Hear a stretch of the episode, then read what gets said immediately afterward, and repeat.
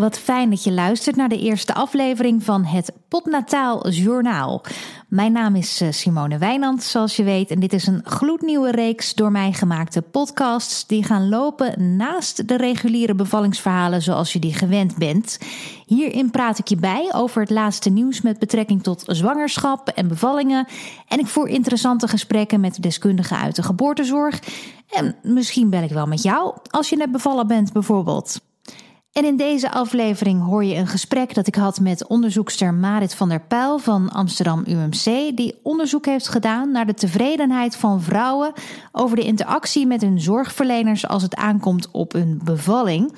En ik bel met de hoogzwangere Marlijn Weerdenburg, die je vorig seizoen in de podcast natuurlijk al hoorde met haar bevallingsverhaal.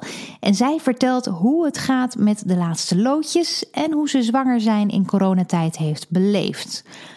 Maar eerst het nieuws rondom vaccinatie tegen corona en zwangerschap.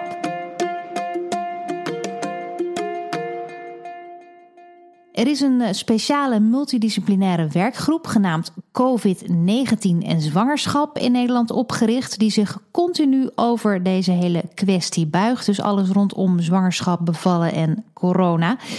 En zij hebben halverwege februari een, nieuw advies gepubliceerd ten aanzien van vaccineren tegen corona en zwangerschap. En het belangrijkste nieuws daaruit is dat de werkgroep adviseert om gezonde zwangere vrouwen niet routinematig te vaccineren. Dus daar bedoelen ze natuurlijk mee dat ze niet standaard gevaccineerd worden. Uh, dat betekent niet dat het gevaarlijk is om je te vaccineren als je zwanger bent. Integendeel, zwangere vrouwen met onderliggende kwalen of ziekten wordt wel geadviseerd om te vaccineren, maar gezonde zwangeren dus niet per se. En de reden dat dat het advies is, is omdat er op dit moment nog te weinig bekend is over het effect op korte en lange termijn. Het vaccin is namelijk niet getest op zwangeren, maar onderzoek op zwangere ratten wijst nu al uit dat er geen gezondheidsnadelen of invloeden op de zwangerschap zijn, ook niet op de borstvoeding en ook niet op je vruchtbaarheid. Dus dat ziet er eigenlijk allemaal gewoon heel erg goed uit. Maar ze nemen het zekere voor het onzekere. Je kunt het hele standpunt vaccinatie tegen COVID-19 rondom zwangerschap en kraambed zelf helemaal teruglezen. Dat doe je op nvog.nl. Want het kan zijn dat wanneer je deze podcast hoort, er alweer veranderingen zijn op dat gebied. Als je vaste luisteraar bent van Potnataal, dan weet je dat een terugkerend thema en heel veel van de gesprekken die ik voer met vrouwen over een bevalling is dat ze zich niet gehoord voelen door bijvoorbeeld een gynaecoloog, een verpleegkundige of een andere zorgverlener binnen de geboortezorg. Zeker niet in alle gevallen, maar het komt wel dermate vaak terug dat je zou kunnen stellen dat er wel iets aan de hand is. Het Amsterdam UMC heeft recentelijk onderzoek gedaan naar de tevredenheid van moeders over de interactie met hun zorgverleners. En dat onderzoek is inmiddels gepubliceerd. En ik praat erover met onderzoeker Marit van der Pijl van Verloskundige Wetenschap. Dag Marit. Hi, dankjewel. Wat was de directe aanleiding voor dit onderzoek? Um, nou, wat, wat, jullie ook al uh, beschrijven in eigenlijk uh, de eerdere uh, podcast uh, dat autonomie en onderwerpen als de interactie met je zorgverlener veel terugkomt um, als onderwerp. Dat dat een grote invloed heeft op de ervaring van vrouwen uh, tijdens de bevalling. Um, en daardoor vroegen we ons eigenlijk af van hoe zit dat nou precies met die interactie tussen zorgverlener en cliënt. en dan hebben we met name gekeken hierin naar respect en de communicatie, autonomie, maar ook de privacy. hoe zit dat nou precies? En wat zijn dan de belangrijkste uitkomsten die je tegenkomt? Kun je, heb je een soort percentage ook van hoe groot het percentage is dat zich niet gehoord voelt, bijvoorbeeld? Um, nou, op zich uit uh, ons onderzoek komt naar voren um, dat 88% van de vrouwen aangaf dat ze grotendeels, eh, of uh, eigenlijk altijd respect ervaarden van de zorgverlener. Dus dat was eigenlijk een hele positieve fonds. Maar we hebben ook zeker gevonden inderdaad dat er vrouwen zijn die zich toch minder gehoord voelen op het gebied van of ze werden betrokken bij beslissingen of ze een behandeling konden weigeren. Um, en ja, dan zie je toch in de categorie van uh, autonomie uh, dat, dat wordt, wordt lager gescoord dan op een, bijvoorbeeld een onderwerp als respect. En waar ligt dat dan aan? Um, nou, in dit onderzoek hebben we niet gekeken naar precies de oorzaken, maar wat we natuurlijk veel terug horen, um, is dat er toch vaak dingen um, worden uitgevoerd waarvan de vrouw dan niet op de hoogte is of uh, later erachter komt en niet helemaal betrokken wordt zoals ze uh, zou, zou willen. Um, en ja, dat is iets wat we vaker terugzien uh, in onderzoek, maar ook in de, in de verhalen van, de vrouwen, uh, van vrouwen die uh, hun bevallingservaring delen. Ja, ja, want ja, je zegt 88% is natuurlijk een mooi percentage, maar je wil 100, 100 Dat is natuurlijk dat wat je wil. Mooi zijn, ja. Iedereen gewoon een, een bevalling waar die gewoon goed met een goed gevoel op terug kan, kan kijken. Ja, want, klopt. Welke vrouwen hebben jullie gesproken? Hoeveel vrouwen hebben jullie onderzocht? Uh, we hebben uh, hierbij de ervaring van 767 uh, vrouwen kunnen meenemen. Dus dat is een mooi aantal. dat waren vrouwen die in verschillende um, omstandigheden hun bevalling hadden. Dus thuis of in het ziekenhuis, um, in een geboortecentrum.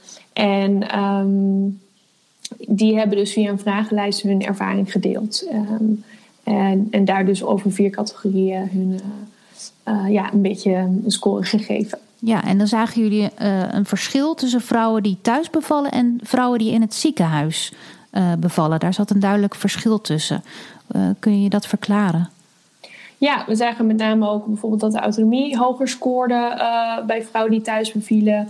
Um, overal ook de interactie tussen zorgverlener en cliënt. Um, nou, dan moeten we natuurlijk wel bij in acht nemen dat vaak thuis het ongecompliceerd verloopt. Het natuurlijk veel soepeler gaat. Uh, er misschien minder ingewikkelde interactie of ook beslissingen hoeven genomen te worden. Dus dat heeft zeker invloed natuurlijk. Uh, het zijn verschillende doelgroepen vaak. Um, maar wat we wel zien is dat uh, ja, als een vrouw in de thuisomgeving is of in een sfeer waarbij uh, ze ervaart dat uh, haar eigen autonomie eigenlijk al automatisch een beetje voorop staat, dat dat heel erg meehelpt. En dat is al het verschil van dat je thuis je zorgverlener bij jou binnenlaat. En uh, in het ziekenhuis kom je zelf ergens binnen en ben je niet meer in je eigen omgeving. En dat zijn factoren die, die een grote rol spelen. En ook al aan het begin van een bevalling een soort van uh, ja, setting creëert. Uh, wat heel erg kan meewerken of dan misschien ook, ook tegenwerkt. Ja, want het lastige is natuurlijk inderdaad wat je al zegt. vaak als het om een thuisbevalling gaat, dan is het een goed uh, verlopende bevalling zonder complicaties. En met complicaties kom je weer vaak in het ziekenhuis terecht. En moeten er misschien weer ingrepen worden gedaan, uh, waardoor je dan weer minder betrokken kunt voelen. Precies, ja. Dus dat blijft dat natuurlijk wel een soort van kip-en-ei uh, verhaal, misschien ook wel. Ja, en dat kan je ook niet zo natuurlijk met elkaar vergelijken. En daarnaast moeten we ook zeggen dat onder de vrouwen die thuis bevielen met ongecompliceerde bevalling of in het ziekenhuis met een ongecompliceerde uh, bevalling. Uh, dat ook daar we zagen dat er bijvoorbeeld niet voldoende respect werd ervaren of dat ze toch graag uh, liever hadden betrokken worden bij bepaalde beslissingen. Um, en daar zien we dat door het hele geboortesysteem, waar een vrouw ook bevalt, het belangrijk is dat we um, kijken hoe het nou komt uh, dat inderdaad um, dit toch een terugkerend thema is. Ja, en, en waar, waar hebben jullie dan het gevoel waar dat hem dan in zit? En ja, hoe gaan we dat oplossen? is natuurlijk uh, een belangrijke vraag. Ja, um, nou, we, het is, we willen daar heel graag nog meer onderzoek naar doen. Er is nog weinig bekend over ook die factoren.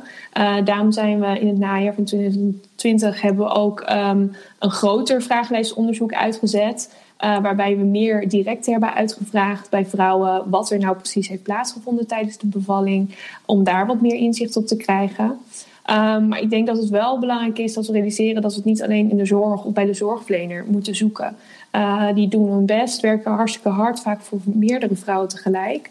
Um, maar het lijkt wel alsof we eigenlijk met z'n allen ook een beetje denken van... nou ja, hè, je gaat bevallen, uh, je moet gewoon volgen uh, wat er wordt gezegd, gedaan. Dat gaat ook gewoon automatisch zo. Um, dus dat het niet alleen in de zorg is, maar ook ja, wat meer met elkaar, vrouwen onderling... maar ook gewoon in de maatschappij... Um, dat het wat normaler wordt. Dat de vrouw gewoon zegt: Nou, nee, ja, dat zeggen ze wel dat het zo moet. Maar ik wil het misschien zo of zo. Of ik wil daar meer zeggenschap in. Um, dus dat is eigenlijk een breder iets uh, waar we naar moeten kijken. Um, dat je je ook zelf als, als vrouw en misschien als partner mag realiseren dat je ook gewoon het recht hebt om je vinger op te steken en te zeggen: Precies. Hallo, zo wil ik het niet. Ja, en uh, wat interessant is, is dat je heel vaak ziet dat na een eerste bevalling uh, er dan wordt gerealiseerd van, oh, maar de volgende keer ga ik daar toch e echt iets anders doen. Um, en dat is interessant, want je weet dat je zwanger bent uh, en je hebt negen maanden voorbereidingstijd. Je, je kan je voorbereiden natuurlijk niet voor alles en het kan altijd anders lopen. Um, maar er moet een manier zijn hoe we ook die, die eerste bevalling goed kunnen voorbereiden. In de zin van dat je er bent en, en dat je eigen regie daar wel, wel staat. Ja, ja, ook omdat die eerste bevalling weer bepalend kan zijn voor een volgende bevalling natuurlijk. Precies. Ja, ja. ja heel belangrijk. Maar het blijft wel lastig. Dus niet echt een hapklare oplossing dus eigenlijk nog. Nee, zeker niet. En um, ik denk dat met ons onderzoek we willen echt kijken naar hoe kunnen we al die bewustwording creëren? Um, bij zorgverleners, bij vrouwen zelf, ook in de maatschappij, om te kijken van hoe kunnen we dit verbeteren? Want het is zo mooi dat we die goede zorg hebben in Nederland, maar uh, laten we dan kijken hoe we het echt goed kunnen inzetten en wel naar elkaar blijven luisteren en kijken uh, waar is wat nodig en waar is wat niet nodig. Nou las ik ook nog dat andere studies ook hebben aangetoond dat heel jonge vrouwen of laag opgeleide vrouwen of uh, vrouwen van kleur uh, vaak zich slechter behandeld voelen dan vrouwen die bijvoorbeeld hoog opgeleid zijn. Is dat ook nog een aspect wat jullie hebben onderzocht in deze studie? Ja, dat is een goed punt. We hebben wel dat geprobeerd mee te nemen. En een interessante bevinding vonden wij is dat uh, in dit onderzoek we juist vonden dat bijvoorbeeld hoger opgeleide vrouwen zich minder, uh, een minder goede interactie met de zorgverlener ervaarden. Dus we gingen vooral nadenken hoe, hoe zit dat uh, precies. En je ziet natuurlijk in het algemeen in de zorg de laatste jaren steeds meer um, een toename van de cliënt denkt mee, je gaat samen beslissen. Um, en wij dachten, ja, misschien kan het zo zijn Um, dat als je meer onderzoek doet of veel meer bezig bent met hoe het precies zit, uh, dat je ook daar ja, meer de regie wil vasthouden en het daardoor lastiger is dan als het iets anders verloopt. In plaats van uh, wanneer het makkelijker is om uh, mee te gaan met, met, met de flow. En is er nog, nog iets anders uit onderzoek gekomen waarvan jij zegt van oh, dat, dat was ook wel echt opvallend of interessant waar we op verder willen gaan?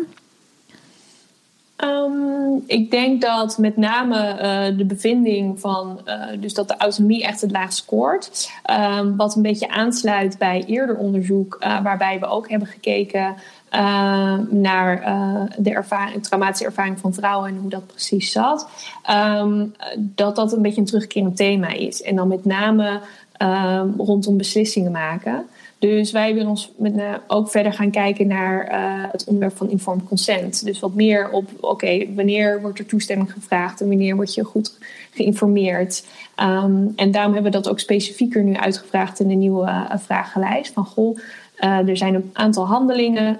Is daar je toestemming voor gevraagd? Had je daar toestemming voor willen geven? Want er zijn ook vrouwen die zeggen van nou, ik wil geen eens weten dat ze dat doen. Dat kan natuurlijk ook. Um, dus om daar wat dieper op in te gaan. Want dat blijft een interessant uh, onderwerp. En heel, heel lastig om, om dat uh, duidelijk in kaart te brengen. Wat daar nou precies gebeurt. Ja, ook omdat er natuurlijk zoveel dingen zullen zijn. Dan is het ook misschien uh, dan zou je aan de ene kant misschien denken, dan zou je dus bijna voordat je moet bevallen een soort van lijst moeten krijgen met allemaal ja. vragen en opties uh, waar je ja en nee op moet, moet antwoorden. Ja. Alleen in de praktijk kan ik me voorstellen dat uh, ja, als, het, als er dan iets snel aan de hand is, dan ga, ga, kan een zorgverlener natuurlijk niet zo'n hele lijst erbij gaan pakken en alle Precies. vinkjes afgaan, zeg maar. Ja, dat, is dat natuurlijk... maakt uh, de bevalling echt weer een moeilijk moment natuurlijk, vaak hectisch.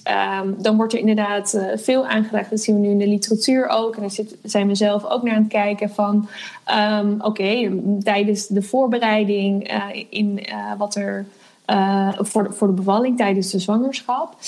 Um, maar dan moet je ook heel erg weer de balans zoeken van ja, wil je het hele scala op tafel gooien? Je wil ook geen angst creëren. Um, uh, moet je elke optie expliciet benoemen. En weet je dat dan uh, straks nog allemaal precies, zodat je dat ene weer kunt aanhalen van weet je nog dat we dat hebben gezegd, dat gaan we nu doen of willen we nu doen. Um, het is heel lastig hoe je, dat, hoe je daar een balans in kan vinden. Uh, en dat is ook voor elke vrouw weer anders. De een wil het gedetailleerd van begin tot eind weten. En de ander die heeft daar weer een andere kijk op. Dus uh, dat is heel erg zoeken. Laatste vraag. De specialisten uit de geboortezorg hebben dit, neem ik aan, zeker bij jullie uh, ook onder ogen gezien inmiddels. Wat zijn de reacties die jullie terugkrijgen? Zijn er al mensen die aangeven: oké, okay, op basis hiervan ga ik dit of dat anders doen in mijn aanpak? Um, nog, nog niet, niet concreet. Wat we vaak horen is, dat het fijn is om, om, om wat meer inzicht erin te krijgen. En een stukje bewustwording, dat is al, al heel erg fijn.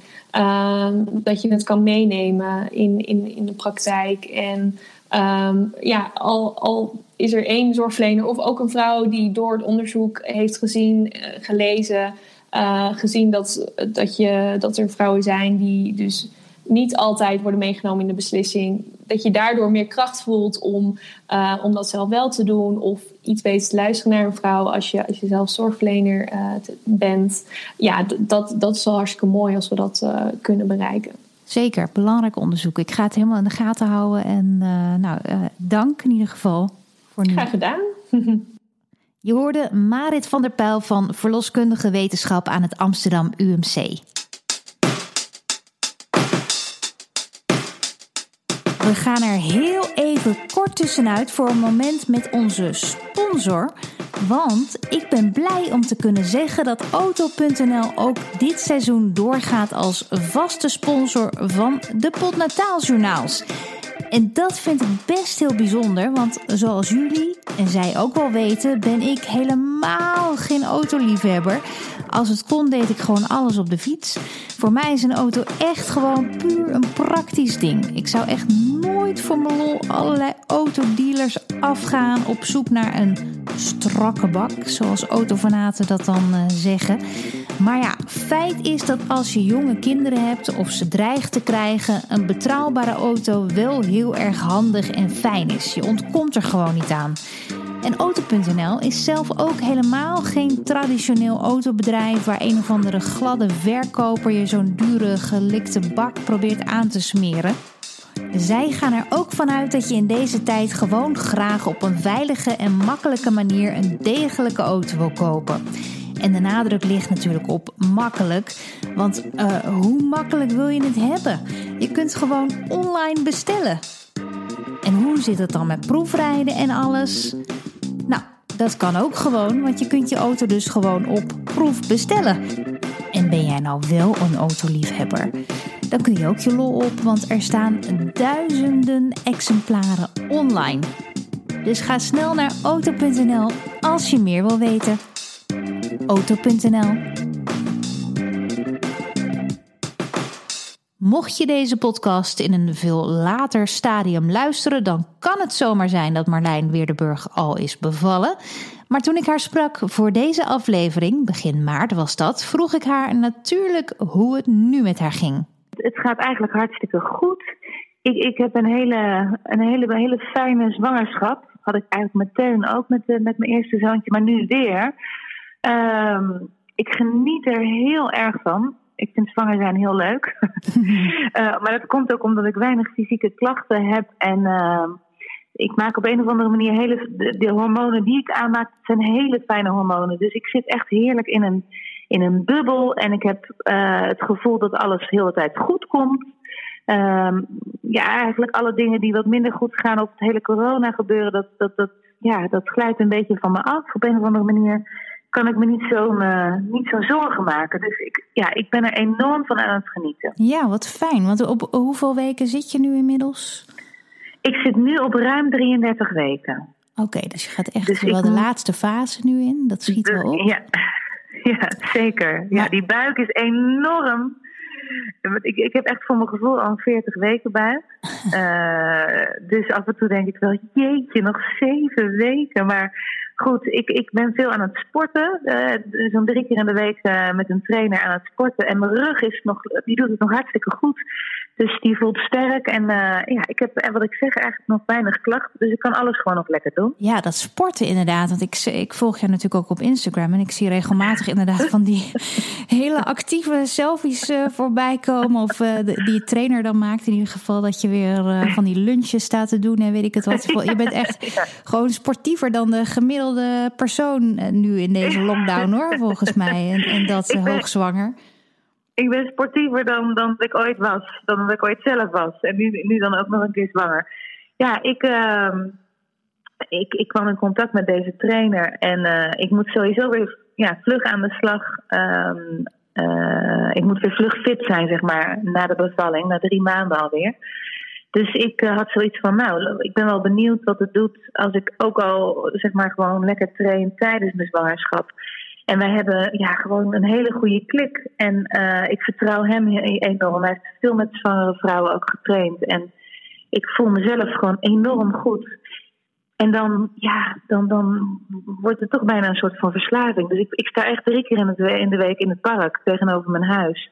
Ja. Lekker met hem te trainen een uur lang. En ik kom iedere keer zo blij en vrolijk thuis dat mijn vriend zegt: Jeetje, nou je hebt hem weer. Ik heb echt een soort glow, een sportglow. Nou, dat heb ik nog nooit gehad. Maar ik voel me er echt steengoed bij. Dus uh, ja, nou, ik kan het iedereen aanraden. Nou, super, ja. Het is, het is alleen gewoon meer dat, dat ik denk van ja, kijk, als er, als er een moment is om niet gemotiveerd te zijn, dan is het nu voor iedereen wel in deze periode. Uh, nou, kun je het jezelf niet kwalijk nemen als je er gewoon niet zo zin in hebt. En helemaal als je zwanger bent, nou, dan, dan heb je ook alle, alle recht natuurlijk om uh, lekker rustig aan te doen als je daar behoefte aan. Zeker. Maar ik vind het ja. knap dat je die energie op kan brengen. Maar je zegt over drie maanden moet je alweer fit zijn. Is, uh, ga je iets spannends uh, doen? Drie, drie maanden na de bevalling. Ja, dan ga ik een, uh, een hele, hele leuke grote productie doen. Maar dat moet nog naar buiten komen, dus daar mag ik nog niks over zeggen. Maar wel iets Mm. heel leuks. dus ja, goed. Volgens mij gaan er heel veel vrouwen na drie maanden weer aan de slag.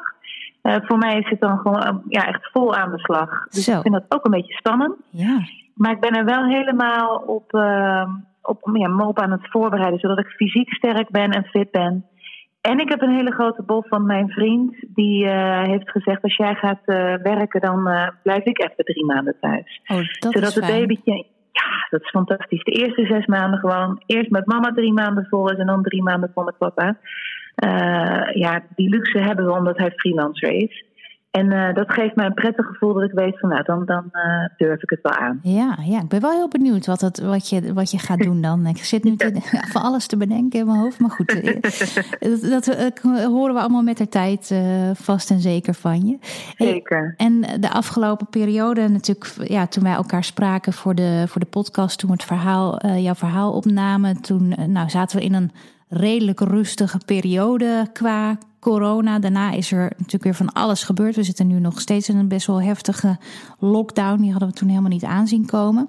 Um, hoe, heb je dat, hoe heb je dat zelf ervaren? Want je, nou, je staat er wel heel positief in, dat, dat uh, ja. hoor ik wel. Maar dan nog, het, is niet, het was ook niet wat jij voor ogen had, denk ik, toen je begon uh, aan deze zwangerschap. Nee, nee. We zaten natuurlijk in de zomer, wat je zei. Nou, toen waren er veel versoepelingen en toen leek de wereld er echt wel weer wat wat, beter aan toe te zijn.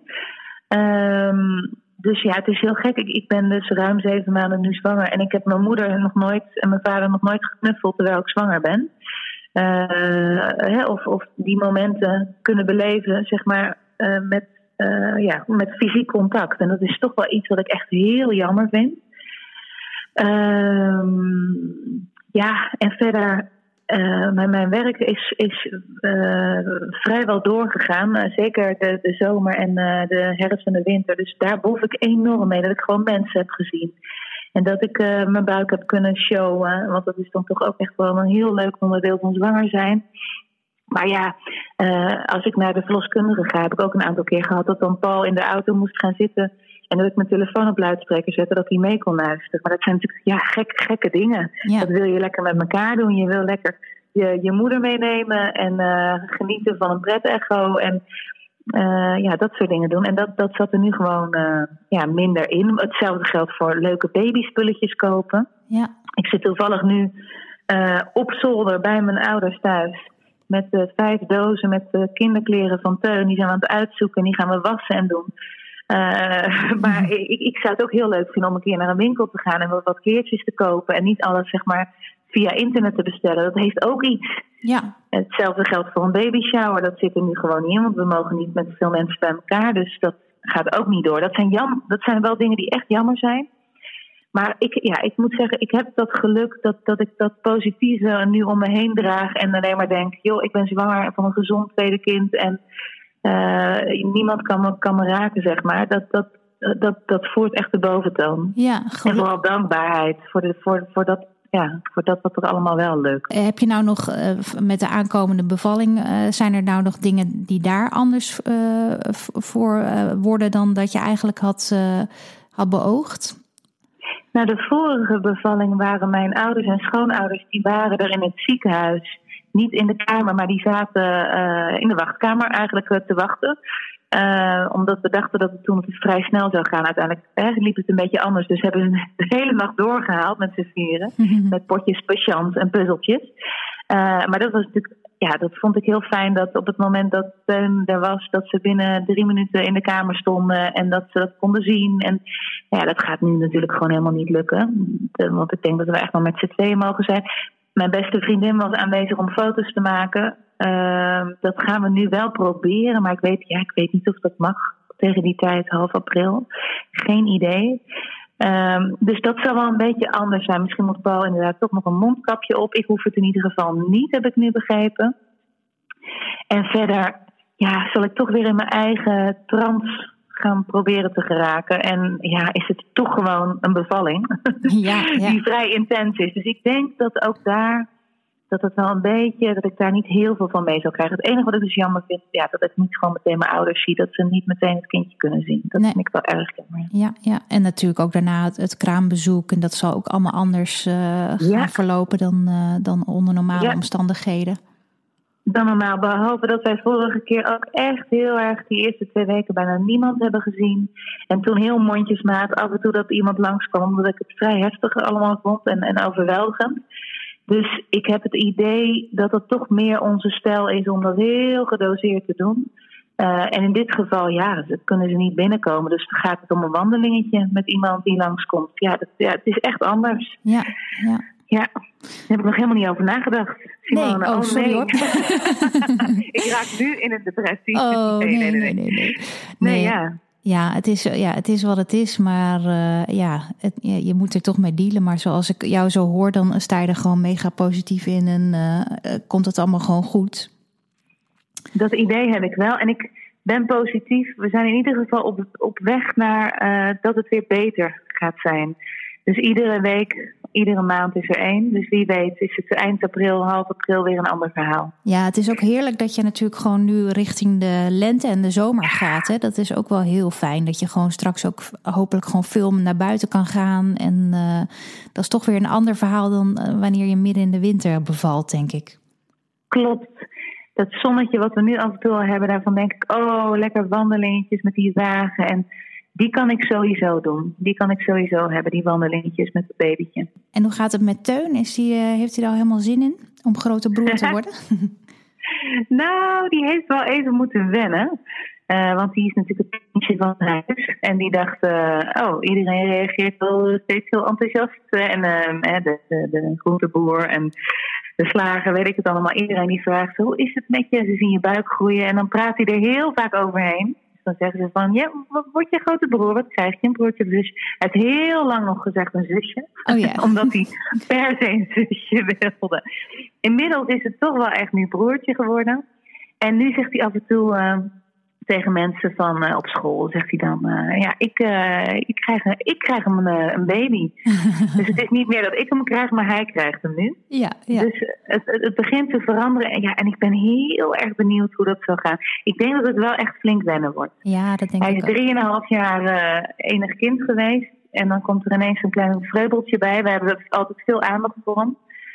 Dus uh, dat, dat wordt even door de zure appel heen bijten, denk ja, ik. Ja. ja, dat wordt even wennen, maar dat komt allemaal goed. Ik probeer hem ook altijd voor te bereiden op van, want wat doet de baby? Nee, zegt hij dan. Ik zeg inderdaad huilen, uh, slapen, drinken. En dat weet hij dan allemaal. Maar ik probeer het ook niet te, nu al te positief te maken van... Hè, je hebt een, een, broertje mee te spelen. Dan zeg ik dat dat wordt, dat komt wel. Maar dat duurt echt een jaartje.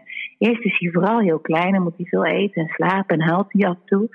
Dat ik het niet al uh, te mooi probeer af te spiegelen. Snap je dat ik ja. hem probeer voor te bereiden op het wordt voor jou ook een beetje. Het wordt ook af en toe niet zo leuk even. Want anders wordt het zo'n teleurstelling dat hij niet met hem kan spelen meteen inderdaad. Nee, ja. ja. Dat bedoel ik. Ben je nu al met verlof ook? Of uh, wanneer uh, ben je van plan om uh, echt, echt rustig aan te gaan doen? dat zit niet zo in mijn aard. dus, en ik vind het heerlijk om bezig te zijn. En ik heb gewoon het leukste werk van de wereld. Dus, en ik ben zelfstandige. Dus ik ben ja, gewoon ook verantwoordelijk voor mijn eigen centjes. Dus ik vind het ook lekker om gewoon af en toe nog wat dingetjes te doen. Maar toevallig, ik heb nu vorige week Moltalk afgesloten. Dat, dat was iedere week nou ja, een live programma. Dat dan toch wel nog een soort van spanning met zich meebrengt. En dat heb ik nu afgesloten. En ik heb nog een paar kleine draaidagen en dingen staan. Dus ik ga gewoon ja, iedere week voelen wat goed voelt. En uh, ik denk no niet dat ik echt de laatste vier weken thuis ga zitten. Sowieso zitten wij in een verbouwing. Oh, oh ja, ook nog, ja. ja, ook nog. Dus ja. Uh, ik, uh, ik, ik vind het ook heerlijk om af en toe wel gewoon nog iets te doen. Omdat het hele huis is stof en vies. En uh, ja, gewoon druk met, met de neef van Paulus aan het verbouwen. Um, maar goed, dus nou ja, ik weet het niet. Ik, ik ga geen weken thuis zitten. Ik blijf gewoon af en toe nog wat leuks doen. Uh, maar wel een, uh, een versnellingje terug. Dat heb ik wel gevoeld nu. Van, ik mag wel ook eventjes af en toe lekker wel dat middagdutje doen. En lekker dat wandelingetje maken, gewoon op mijn dode gemakje. Dus dat, daar wil ik nu wel ruimte voor gaan maken. Tuurlijk. En die verbouwing die komt af, is wel de bedoeling voor... ja, dat, dat hopen wij natuurlijk enorm. ja, dat hopen we ik, ja, ik, er moet nog aardig wat gebeuren.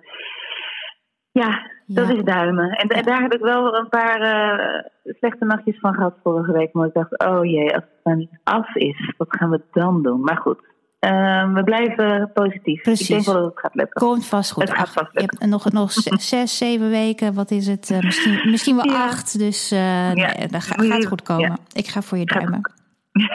Dankjewel. Je hoorde dus Marlijn Weerdenburg, die ik onlangs sprak over de laatste loodjes van haar zwangerschap. En ze was toen natuurlijk ook een beetje geheimzinnig nog over wat ze nou precies zou gaan doen nadat ze bevallen was, een paar maanden daarna. Inmiddels is dat bekend, uh, mocht je het nog niet hebben gehoord of gelezen.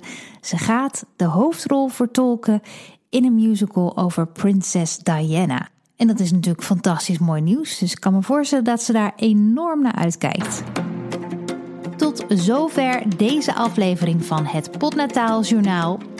Volgende week krijg je het eerste bevallingsverhaal van dit seizoen te horen. In de tussentijd kun je mij online op allerlei manieren volgen. Simone Wijnands underscore, dat ben ik op Instagram.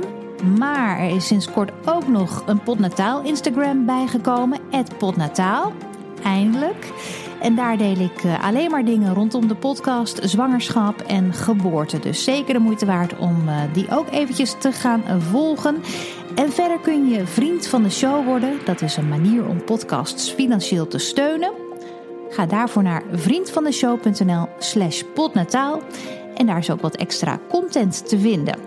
Wil je meer weten over de mogelijkheden om te adverteren in Podnataal? Mail dan even naar adverteren.dagenacht.nl. Oké, dankjewel voor het luisteren en tot de volgende.